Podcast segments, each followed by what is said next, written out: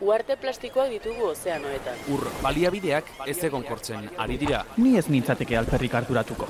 Fenomenoa islatuak dira. Bizioiturak eta herri egiturak aipatu izan dizkidate, zerikusirik balute bezala. Erleak kontserbatzeaz ere hitz egin didate. Baita ariztiak zaintziaz edo ezeguneak babestiaz ere. Eta ni, Nork babesten hauni. Mikroplastikoak elikadura katean sartu zaizkigu. Ez ez da perfektua. Bioanistasuna galtzeak atzera bueltarik gabeko ondorioak izan ditzake. Lasaitu zaitez, ez da inbesterako izango. energia erabilerari eta garraioari loturiko isuriak izugarriak dira. Ez du nik erabaki horrela izateri. Aro geologiko bat markatzeko adinako eragina izan dugu. Evoluzioaren aztarna, arro, egoteko modukoa benetan. Baliabideen erauzketak arrakala sozialak handitu ditu. Zer diozu? Nik ez egin. Eragindako inpaktuak direla eta muturreko fenomenoak ugaritu dira. Nire inguruan ez dut hori sumatu. Euri azidoa bertan da. Bizitzak aurrera darrai. Bai? Ziur, Gelditu makinak. gelditu makinak.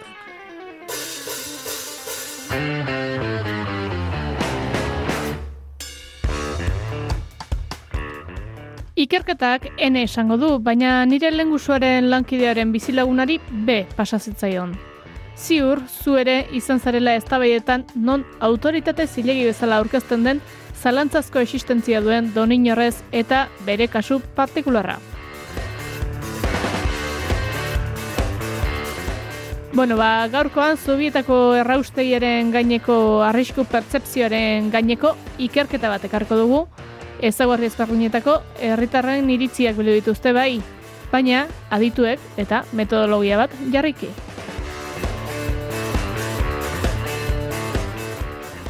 Nor badirenekin segiz, urumea zena eta dena hitzaldi zikloaren aurtengo edizioko hitzaldi bat takarkigu zehazki, Álvaro Aragon historialariaren hitzaldia. Urumea bailarako basoaren kudeaketa eta ustiaketa historian zehar.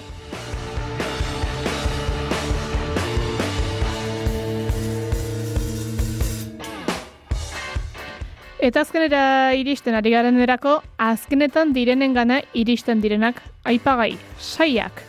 Aire sorgaioekin talka egiteko arrisku eremuak identifikatu dituzte. Nimbi efektua ote dute saiek? Zer, nimbi efektuarena etzaizula argi geratu? Ba entzun ezazu gelitu makinak saioaren laugarren denboraldiko amabigarren atala.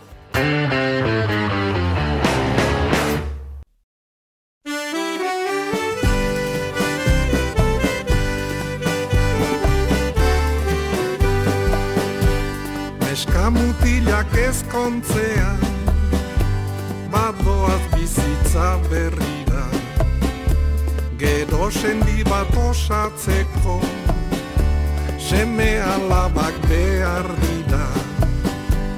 Eta seme alabetatik Bilomak etortzen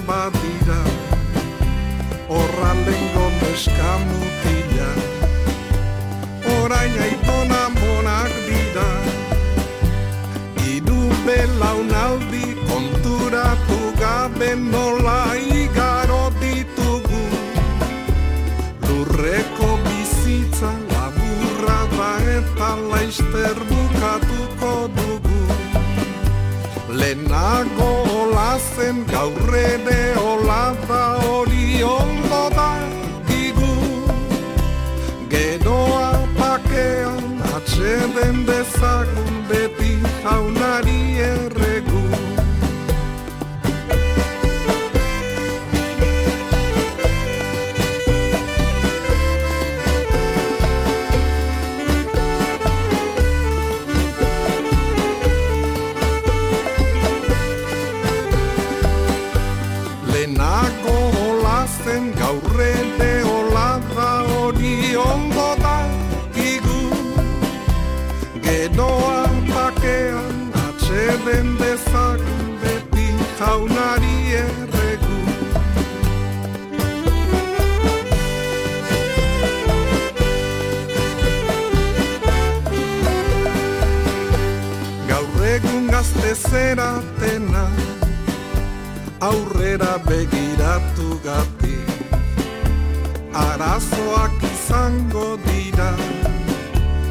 bate ti ez bada besteti Bainan jarrai behar dezute Itxaropeneko bidetik Gogoratu zeintzundakoa Zuen aitona monetatik Irun belaunaldi konturatu gabe nola igari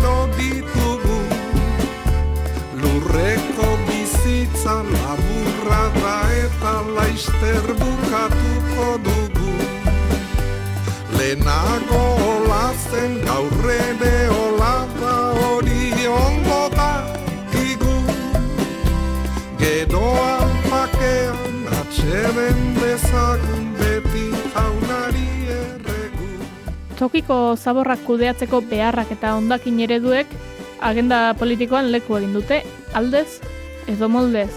Besteak beste, Zubietako erraustegiak eztabaida publiko handia piztu du azken urteotan bai maila politikoan, bai sozialean izan ere ez dira gutxi instalazioaren egokitasunak zalantzan jarri dituzten ikerketak, adituak eta herritarrak. Ez da kontu berria eta azken aldian ere nabarmendu da nola energia instalazioek eztabaida politikoa eta publikoa sortzen duten. Akronimo bat ere sortu da publikoari dagokionez. NIMBY, Not in my backyard edo ez nire etxe ondoan, efektua. Tentuz erabiltzeko moduko efektua da, izan ere beharrezkoak omen diren, baina inor kondoan nahi ez zituen proiektuei egiten dira aipamena, eta gainera norbanakoari begirakoa da.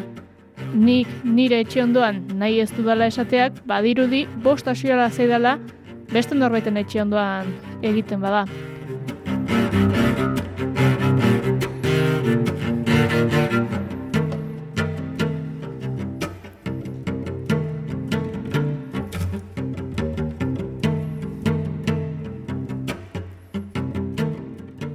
Erraustegiarekin jarraituz txostena burutu duten ikerlarien arabera, eztabaida hauetan ikuspuntu desberdin asko daude eta aldeen ikuspuntuak gehiegi simplifikatzeko joerak, elkarrezketa soziala eta parte hartzea zailtzen du. Hori dela eta lan honen helburua izan da ikuspuntuen dibertsitatea agertzea eta sailkatzea. Ekarpena egin duten ikerlariak ondorengoak dira Mikel Subiza Perez, Aiora Zabala, Daniel Corroten, Laura Bozmediano, Cesar San Juan eta Jesus Ibarluzea. Lana berriz Journal of Research aldizkarian argitaratu dute.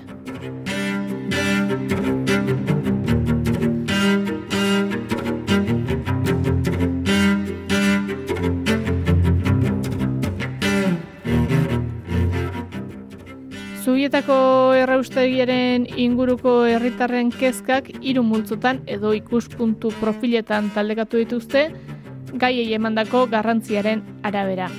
Beraz, honako hiru multzo bereizi dira. Batetik, giza osasuna, bestetik, politika eta erakundeak eta hirugarrenik natura edo tokiko eragin sozioekologikoak. 2008 batean berrogeita mar pertsonari egindako galdetegitatik eratorritako irakurketa egin du taldeak, eta denera, zubietan kokatutako errauste plantaren gaineko hogeita sei arrisku edo kezka nagusi identifikatu dituzte lehenxiago esandako hiru multzotan. Garrantzia gehien hartu duen multzoa pertsonen osasunari dagokiona da eta kezka nagusiak minbiziari, kutsadura kimikoari, arnas eritasunari eta abortuari buruzkoak izan dira. Kezka gutxien eragiten zutenak aldiz izan dira trafikoari, koexistentziari, ospeari, estetikari eta espazio publikoei buruzkoak. Bigarren maila batean ageri dira planetari, naturari eta ingurumenari dagozkien kezkak, alanora, zalata, usaina, kutsadura kimikoa eta fauna eta floraren degradazioa. Lehen bi multzo hauetarako profil bat identifikatu dute teknozaleak izan daitezkeenak. Europako beste kokaleku batzuetan jadanik zabalduta dauden teknologia modernoekiko konfiantza adierazten dute eta arrisku pertzepzioa txikitzen die horrek. Multzoekin jarraitu, zirugarren multzoa eta agian kezken ezaugarrien gandik, aurreko bietatik desberdinagoa dena eta orain arte arriskuen artean askorik nabarmendu ez dena, instituzioengan eta erabaki prozesuengan konfiantza ezak eragiten duen arriskua da. Galdetegia erantzun duten herritarren artean kezka itorre bihurtu da informazio eskasia, eta arriskutzat dute instituzioen garlentasun falta.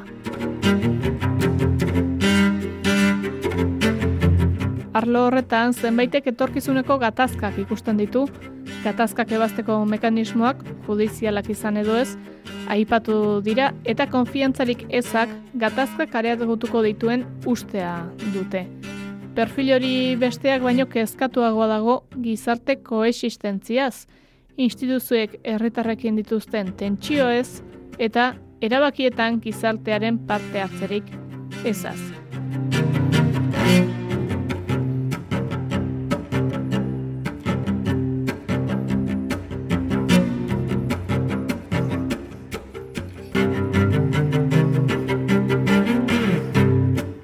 Arrisku pertsepzioak lehuntzeko moduak ere proposatu ditu lantaldeak eta adierazi dute osasunaren eta naturaren gaineko kezkak deusesteko modu eraginkorrena informazioa eta instalazioen kudeaketa eta monetarizazio aproposa izan daitezkeela.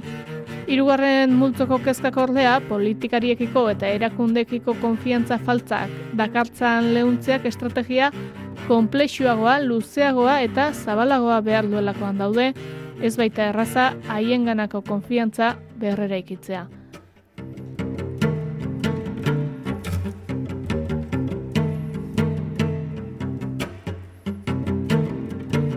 Arrisku pertsepzioen gaineko ikerketa soziologikoa egiteko ku metodologia baliotu dute. Metodologia horrek laginaren anistasunari ematen dio garrantzia eta ez kantitateari, beraz, oiko iritzi inkesten modura lagina ez da oso handia. Giza talde desberdinetako erantzuleak bildu nahi izan dituzte eta horretarako jo dute tokiko elkarteetako kideetara, ikasleetara, ikerlarietara, osasun langileetara eta aurrekoetan taldeen parte izan ez diren hiritarretara. Kokalekoa ere zabala izan da erraustegitik hurbilekoak, inguruko herrietakoak, zein distantzia hartainera daudenak bildu baitituzte. Esan bezala, ikerketa plazaratu dute, eta, bueno, datu gehiago jakin nahi zen ezkero, webgunean bisitatu besterik ez duzu.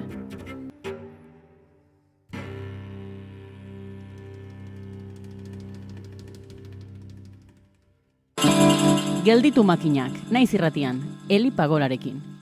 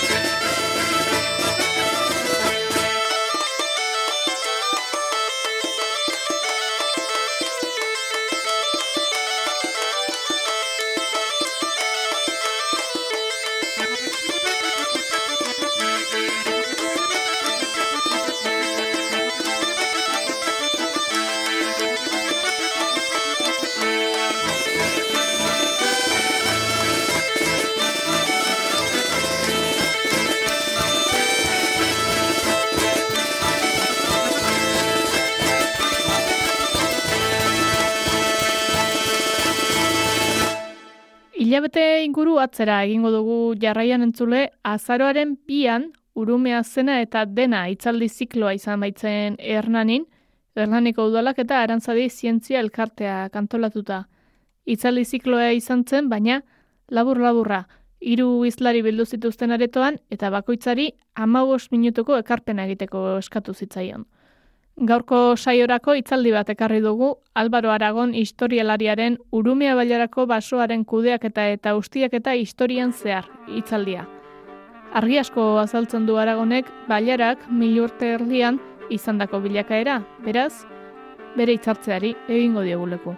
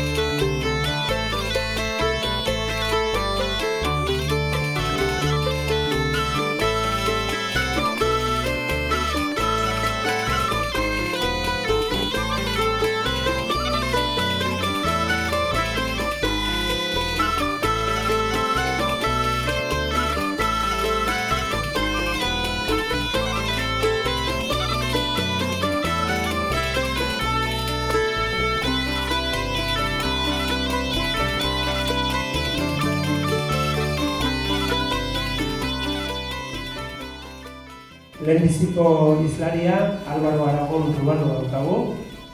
E, Arduaren itzaldian erakaipatu dizuen bezala Urumea Baiarako basoaren kudeaketa eta guztiaketa historia zehar da. Álvaro zuetako asko ezagutuko duzue, historian lizentziatua eta doktorea da.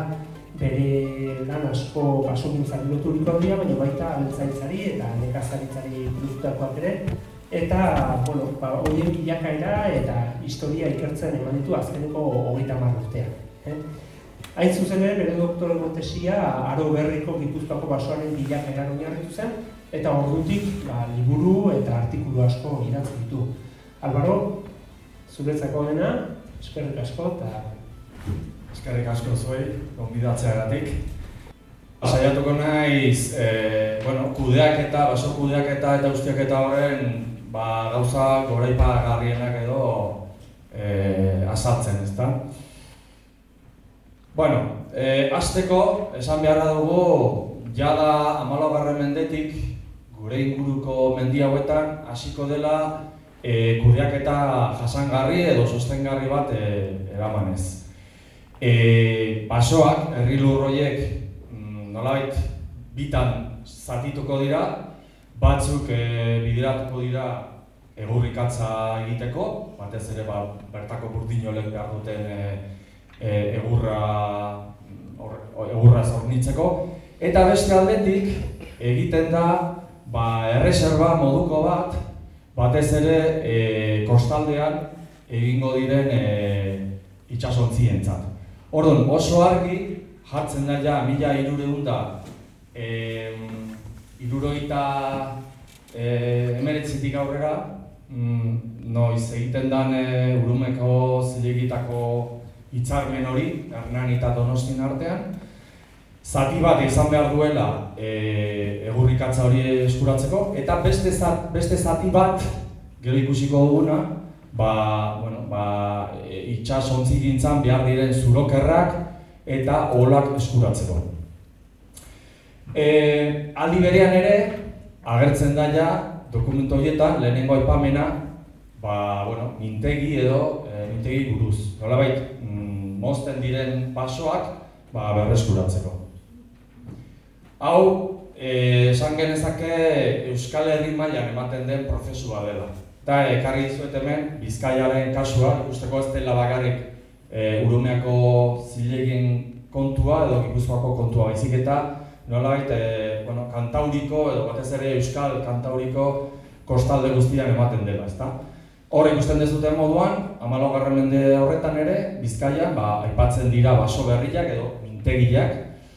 E, Durangoko merindaldeko foru zarrean ere aipatzen da eskilmo, ba, guretzat nolabait lepaketa edo mugarraketa edo mugarraketa izan daitekena. Eta gero ja mila guztun da hoita zeirako aipatzen dira arboles rozados, hau da, moztutako zuaitzak, ez? Altura batean edo, eh, pentsa ezakegu hori dela. Eta bueno, oso ikusten dezute, nola aipatzen den eh, hori. Eh, momentu horretan ere, dazkagu urumeako mendi zilegiak, eta aipatutako data horretan, noiz egiten den Donostia eta Hernanin arteko hitzarmena, Aipatzen dira, lehen ikusi ez dute, Bizkaiaren kasuan aipatzen dira arboles rozados. Gure kasuan dira arboles cruzados. Laiko antzekoa izan daiteke hitza, baina bueno. Eta hor, bueno, aipatzen dira, ez, e, itxasontzietan eratzen diren e, piezak, ez? Mas, mastilak, bergak, gilak eta barrekoak, bai? Eta hor esaten da, ba, nola ez direla e, moztu behar ikatza egiteko. Hau da, norbait erreserbatu egiten dira itsasontzi gintzarako. Orduan, badakagu, eh, momentu honetatik, eh, erabilpen bikoitza basoetan. Zati bat egurrikatza eskuratzeko eta beste zati ja eh, itsasontzi gintzan eh, erabiltzen diren piezak eskuratzeko. Kuriosoa da, ze dokumentu honen eh, daukagun kopila edo eh, bueno, kopi bat egintzan e, mila laureun da iruroita batean. Bai? Hau da, illa, ba, bueno, esan dezakegu, illa mende bat berandoago. Eta kopia horretan, mm, justo ertzian, e, hori cruzados esaten danean, aldamenean, ohartxoa dago. Eta ohartxo horretan, deitzen diote e, arboles cruzados horiek, arboles guiados. Bai? Gidatutako zuaitzak. Bai? Gero ikusiko ditugunak edo. Bueno, em, nola baite gauzak, e, bueno, ba, basoaren kudeaketa komplikatzen juten da, ze eta e, jarduera gehiago daude bere uste, usta, e, ustiapenaren ingurun, eta nolabaiteko mm, bueno, beharrak asetzeko eta ondo kudeatzeko hasiko dira ja leno askea zen e, erabilpena ba, pizkat mugatzen. Bai? Nolabaiteko antolaketa bat eukitzeko, zer bestela, bueno, ba, mm, gertatuko dira e, bueno, eskasia edo. Eh?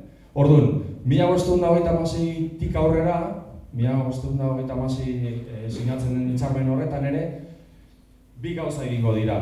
Alde batetik, lizentzia ezarri e, norbaitek, auzoko batek, bai Hernani edo bai e, Donostikoa eurra behar duena, eta aldi berean baso zaina ezartzen da, bai? Nolabait kudeak eta hori ondo e, emateko. Bueno, lehen ipatzen genitxun arboles guiados horiek, ateako zaizkigu ja, garren mendearen bukaeran, errege erregin katolikoek, mila laro eta laro egindako e, agindu batean. Eta hor esaten da, inausketak egiten direnean, zuaitzei, ez dira, ez, adar guztiak kendu behar. Baizik eta, utzi behar zaizkiela bi adar nagusi, bata orka eta bestia pendon. Hori euskeraz, hasiko geha ikusten, batez ere debaldean eta urolaldean eta bar, deitzen direla ipina barra, hau da, adarra utzi. Bai? Dejar orkei pendon, ipini abarra. Mila bostunda berroita sortzian, Gipuzkoako batzar nagusie, eh, pixkat eh, arduratuta, ba, bueno, ba, ortsi gintzak, e, etxe gintzak, mm, bueno, ba, burdin gintzak ere behar dituzten beharrak e, bueno, ba, xetu behar direla eta hor, bueno, pues, kolokan jartzen ari dela e, baso aberastasuna hiru neurri esartzen dituzte. E, mila bostunda sortziko agindu baten bidez. Ondotik ebaketa itea, da, lor lorretik e, debekatuta geratuko da. Udal bakoitzak urtero bosteun aritz edo gaztain ondo landatu beharko ditu, bai? hortarako gainak mintegiak egongo dira, eta inausketan orka ipendon horiek, bi adar nagusi horiek utzi behar dira.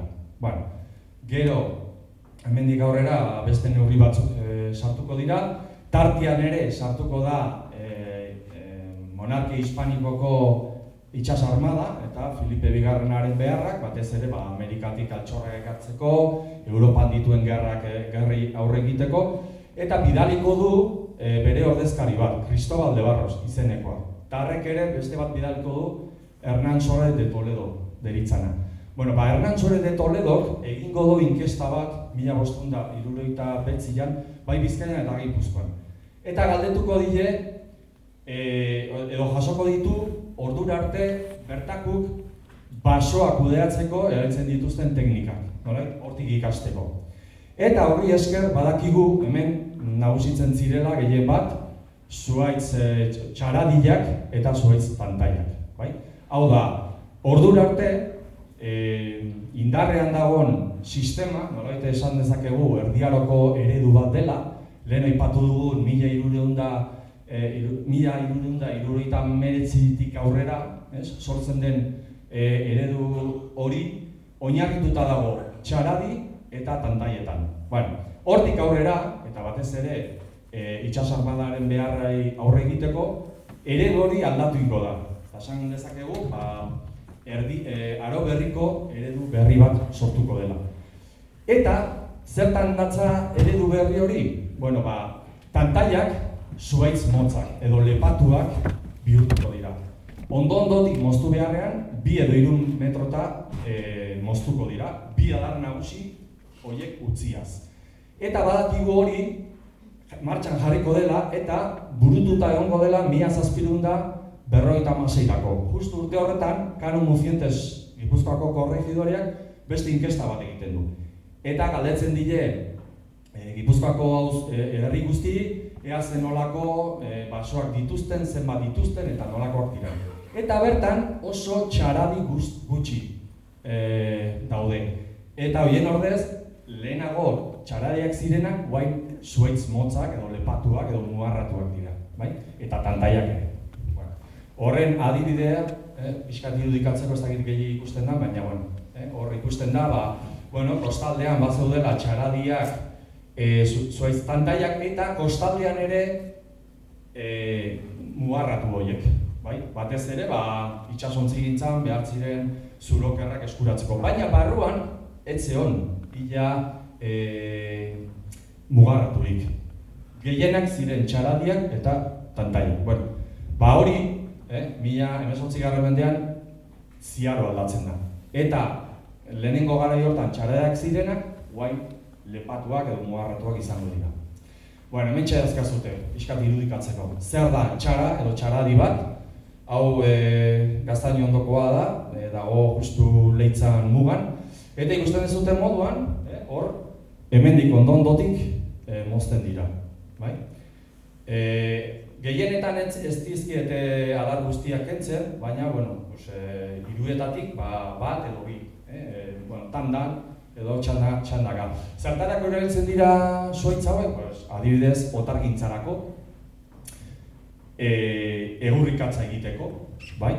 Baina hauek dakate problema bat, eta da, ondondotik izten badituzu, eh, o unuzten badituzu, esitu beharko zen dituzke. Baina arazoa zein da, ba, mendi publikoak direla, eta ezin dire e, esitu. Auzoke badute e, eskubidea bere ganaduak menditik pasatzeko, larratzeko. Orduan ezin dira esitu, eta horra arazo bat. Orduan, zein, e, zein izango da e, sartuko duten ertein dira, ba, mosketa lur-lurretik ondondotik egin beharrean bi edo hiru metrota. Bai? Bueno, honekin batera, pantaiak ditugu. Bai? Ta, kasu bai, hauek batez ere, ba, oholak e, e, eskuratzeko, edo, bueno, kupel gintzan ere, erabil daitezke, etxe gintzan, bai? Bueno. Eta hirugarren sistema, hau da, bai? bi edo hiru metroko altueran mozketa egiten dira. Kaso honetan, hauek jarri ezkizuet, ze larramendik zuaitz hauek deitzen die modorrak, muarrak, muarratuak, bai? Baina hauek, adibidez, ikusten ez duten moduan, ez daude gidatuak, bai? E, gurutzean mozketa egiten diote, bi metro edo hiru metrota, eta gero, ba, txanda ezberdinetan, mozten dizkiete zenbait da. Normalean guzti guztiak ez dizkiete mozten hauek konparatzen baditugu beste hauekin, hauek dira ipeina barrak, eh, ikuste ez dute hauek gidatuta daudela eta formak espreski inak dazkatela, ba, barengak, bularkamak, korbatoiak, hau da, batez ere e, itxasontzi gintzan erabiltzen diren zulokerrak e, e, lortzeko, bai? Saiez, saietxak, ere barkoen saietxak, e, barengak, ube formakoak, horretik ikusten dira. Bueno, eta badakigu, ba, Cristobal Barros datorrenian, egoera bat ikusten duela eta nahi du nolabait ziurtatu edo bermatu e, Gipuzkoako basoek itxasontzi gintzarako dituzten zuaitzak. Eta orduan, e, behak eta horren ondorioz, bueno, ba, esaten du egin behar direla zenbait landaketa. Eta hor ikusten dugu horren emaitza. Bai? Ikusten dugu, bueno, e, egoera etzan haintxarra, bai? E, adibidez hemen, eh, Donostia Hernani ipatzen dira, baina gehien bat dira bere herri lurrak hau da urumeko zilegia, bai? Eta ez dira hainbeste mm, suaitz landatzen, eh? Naiz eta eh, hemen ikusten dugun lekua bat zegoela, bueno, ez da hainbeste. Osea, gauzak ez zeuden hain geizki. Bai, baina bueno, egiten dira landaketa batzuk, gaina hauek ez dira bakarri landatzen, baita gidatu egiten dira. Gehien bat, ba, e, pantaiak izateko, e, ba, e, ba, bai, pantaiak edo zurokerra horiek e, eskuratzeko, bai? Bueno, Aipat, leheno aipatutako, ja bukatzen juteko, bakite denbora ez ondo baz, bueno. E, justu nolabait burdinolak edo burdingintza nagusi zen herrietan, amazazpigarren mendean, bai, hasiko dira, leno txaradiak ziren horiek gidatzen, eta zuaitz lepatuak edo zuaitz motzak bihurtzen, bai? Eta hori oso garbi ikusten da, adibidez, oi hartzunen, zuaitz hoiei dituko diete zuaritzak, bai? Sua eskuratzeko edo egiteko e, aritzak, batez ere burdin gintzarako, e, oi hartzunen burdin gintza izango den nagusi, baina berri zerrentilan, bakizute, pasaian onduan dago, eta pasaian daude erregen e, bueno, ontziola nagusienak, basanoa eta bestelakoak, eta hor, espezializatu dira ontzigintzan behar diren egurrak e, lortzen. Eta hor e, bihurtzen dituzte bere txaradiak, gidatzen dituzte, eta horiek deitzen diote gionez. Bai? Legazpin eta Euromako zilegitan ere, ba, justu tarte horretan, agertzen zaizkigu ipin nabarro horiek. Hain zuzen ere, mila zirun da, irurita maikian, donostiak, hernanik eta urnietak sinatzen duten hitzarmena, nolait, urnieta, ez, e, mendizegiletan sartzen, hor, argi eta garbi esango da, ipin nabarroak gidatu behar direla, eta utzi bertzaiela, hor kaipen non.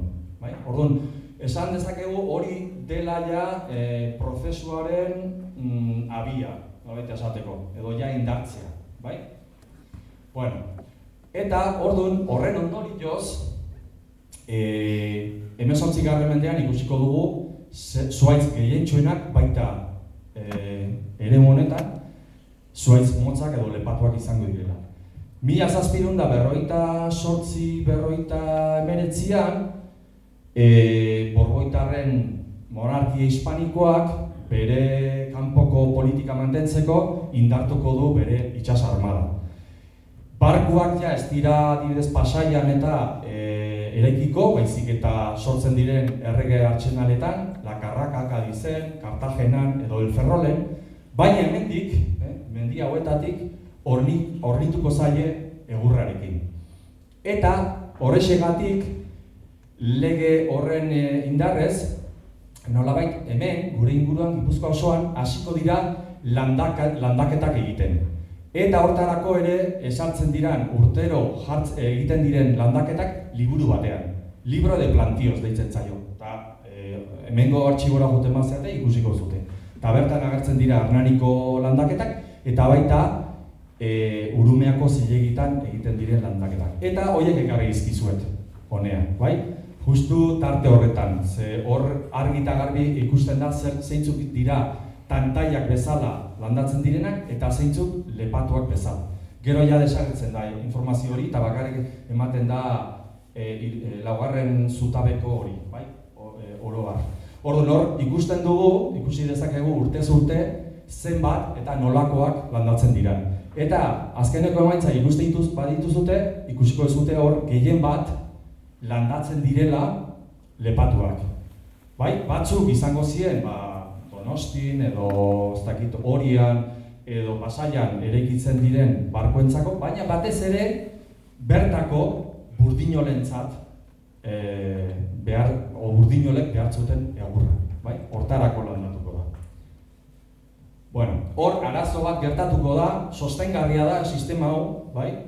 Gaina erreferente bat izango da monarki hispaniko guztian, askotan esaten da honea ekarri behar dela jendia hori nola egiten ikastea, edo bestela Bizkaitik edo Gipuzkoatik jendia bidali ba, Kantabriara, Andaluziara edo bestelako eh, lurraldetara erakustea nola egiten dira horiek, bai? Eta gauza da, bueno, ba, landatzen zirenen artean asko galtzen zirela. Hemen ikusten dezuten moduan lauden bat. Hori da gutxi gora bera, bataz bestekoa Gipuzkoan ikusi duguna. Ikusten dezute kasu batzuk ikaragarriak direla, adibidez legazpin galtzen da euneko laro gehiago, eh? eta bueno, beste batzutan, bat honen gutxi, bost, eh? uneko bosta. Baina bataz bestekoa da hori, eh? justu ernarik galtzen dituena. Eh? Euneko laur den bat, euneko oita bost, oita lau. Bueno, orduan, ze ondori atea altzakegu, katzeko. Aro berriko e, e, ikusi dugu ba nola pasatzen gea erdiaroko eredu batetik aro berriko eredu batera. Baina aro berriko ara, eredu hori industrializazioa datorrenean ez da eraginkorra. Ze nolabait pagoek eta aritzek dakate azkuntza erritmo bat eta e, industriak beste erritmo bat behar du. Orduan, horregatik, naiz eta zuetz motzen sistema ezarri eta mintagi, mintegiak e, ezarri, azkenean industrializazioa dela eta batez ere ba, papergintzak behar dituen beharrak asetzeko eta bestelako industrien, sistema berri bat eratuko da eta izango da kanpotik e, bueno, ba, espezie arrotzak ekartzea. Adiez, Pinus radiata, Douglas, eh, alertzeak eta guzti horiek batez ere 19. mendearen bukaeratik aurrera hasiko dira sartzen. Froga batzuk egin zian, eta bueno, ikusti zuten nahiko ondo zigula, hemengo klimarako eta eta hasiko dira sartzen. Eh? Eta hor hasiko litzateke ja aro garaikideko eredu berria. Nolabait e, egun darraina, bai? Eh? Egun nolabait e, indarrean jarraitzen duen. Eta bueno, hau oso labur, da, gutxi gora bera, e, demagun ila bosteun urtetan gertatu den e, bilakara. Hori da guztia. Ni esker.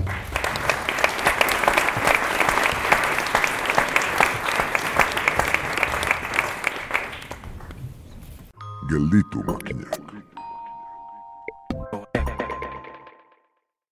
Ziur, zuek ere gehiago jakiteko gogoz geratu zaretela, ba ezkezkatu datorren atalerako prestugu bigarren dosia eta segiko dugu basoko egurren ibilbidearekin.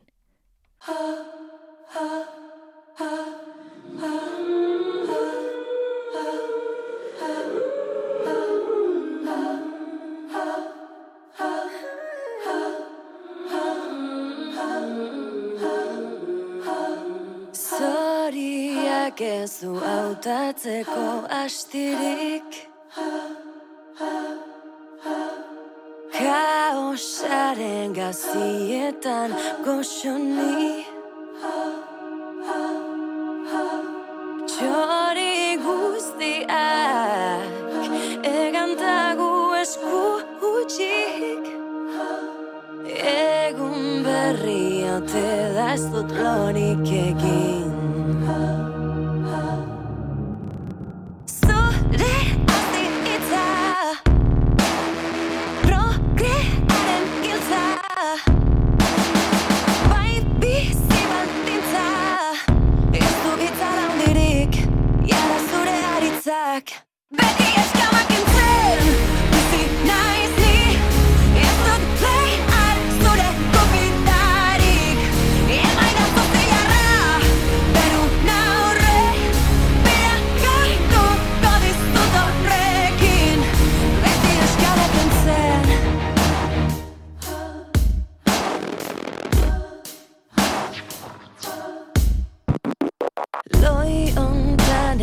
sartzen ja horratzik.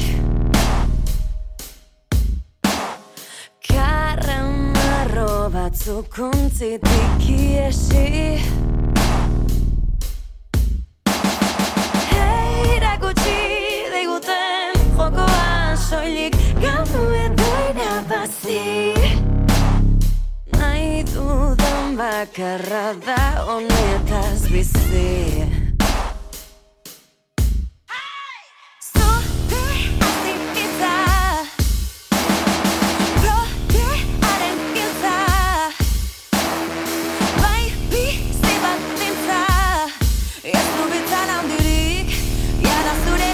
Show.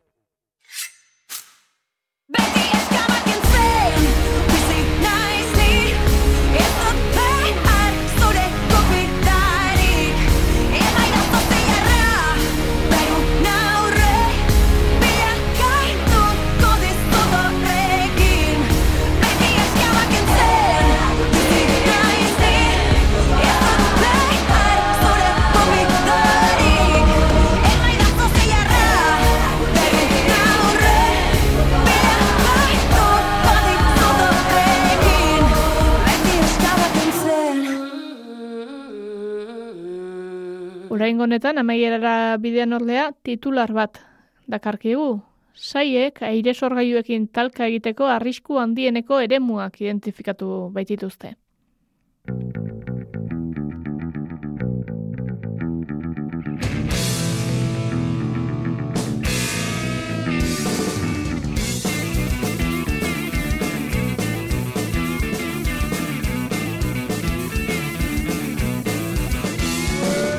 Eluiar aldizkariaren bidez jaso dugu Environmental Impact Assessment Review aldizkarian argitaratu duten lanaren berri, eta bertan dio basaiek aire sorgailuekin talka egiteko arrisku gehien non duten kalkulatu dutela eta ondori ezatu dute Iberiar penintxularen euneko hogei ez dela egokia aerosorgailuak ezartzeko hegaztietan duen inpaktua kontuan hartzen baldin bada.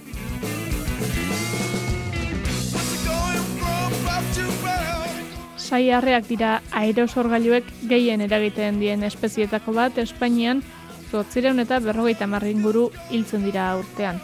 Eta ikertzaileek uste dute aerosorgailuak saientzat arriskutsuak ez izatea lortuko balitz, gainerako espezietan duten eragina ere gutxituko litzatekeela neurri handi batean.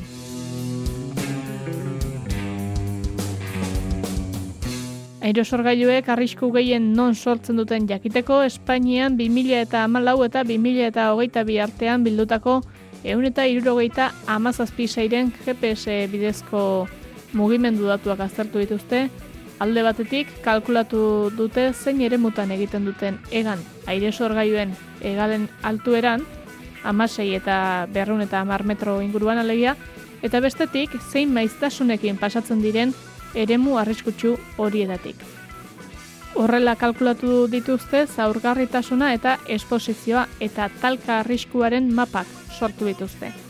Azkenik hori erregistratutako eriotza datu errealekin balioztatu dute. Ba, baliozkotze horren garrantzia azpimarratu du Jon Morante Etxebarriak Miguel Hernández Unibertsitateko eta Arantzaiko ikartzaile edalan honen egile nagusiak. Horrek ziurgabetasunak murrizten ditu talka arrisku handiko lekuetan. Hala adierazi du.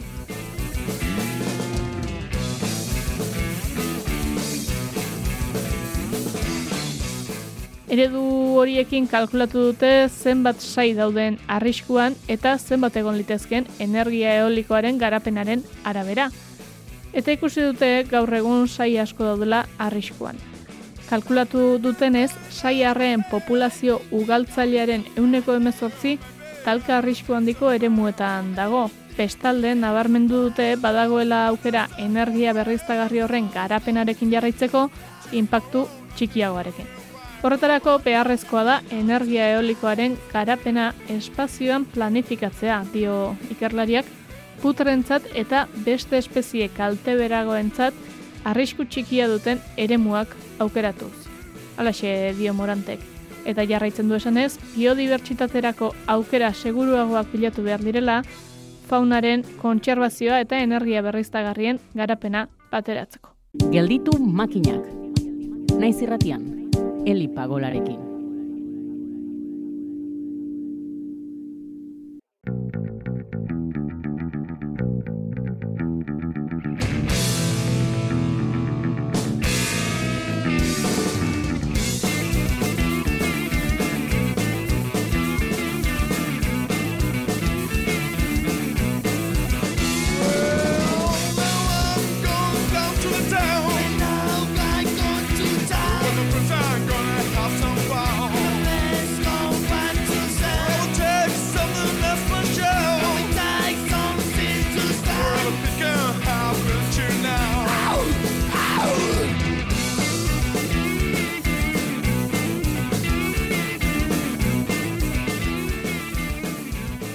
Tira ba entzule guk denbora mugarekin talka egin aurretik utziko diogu gelditu makineak saioan atzera aurrera ibiltzeari. Hori bai, amaitu aurretik esan, jasotzen ditugula gure entzuleen kartak eta iradokizunak, eta bueno, ba, gai askoren gaineko gogo eta bibliografia eta iritziak gietorriak direla, eta hemendik ba, eskerrak zuei denoi. Besterik gabe, ongi izan, datorren erarte.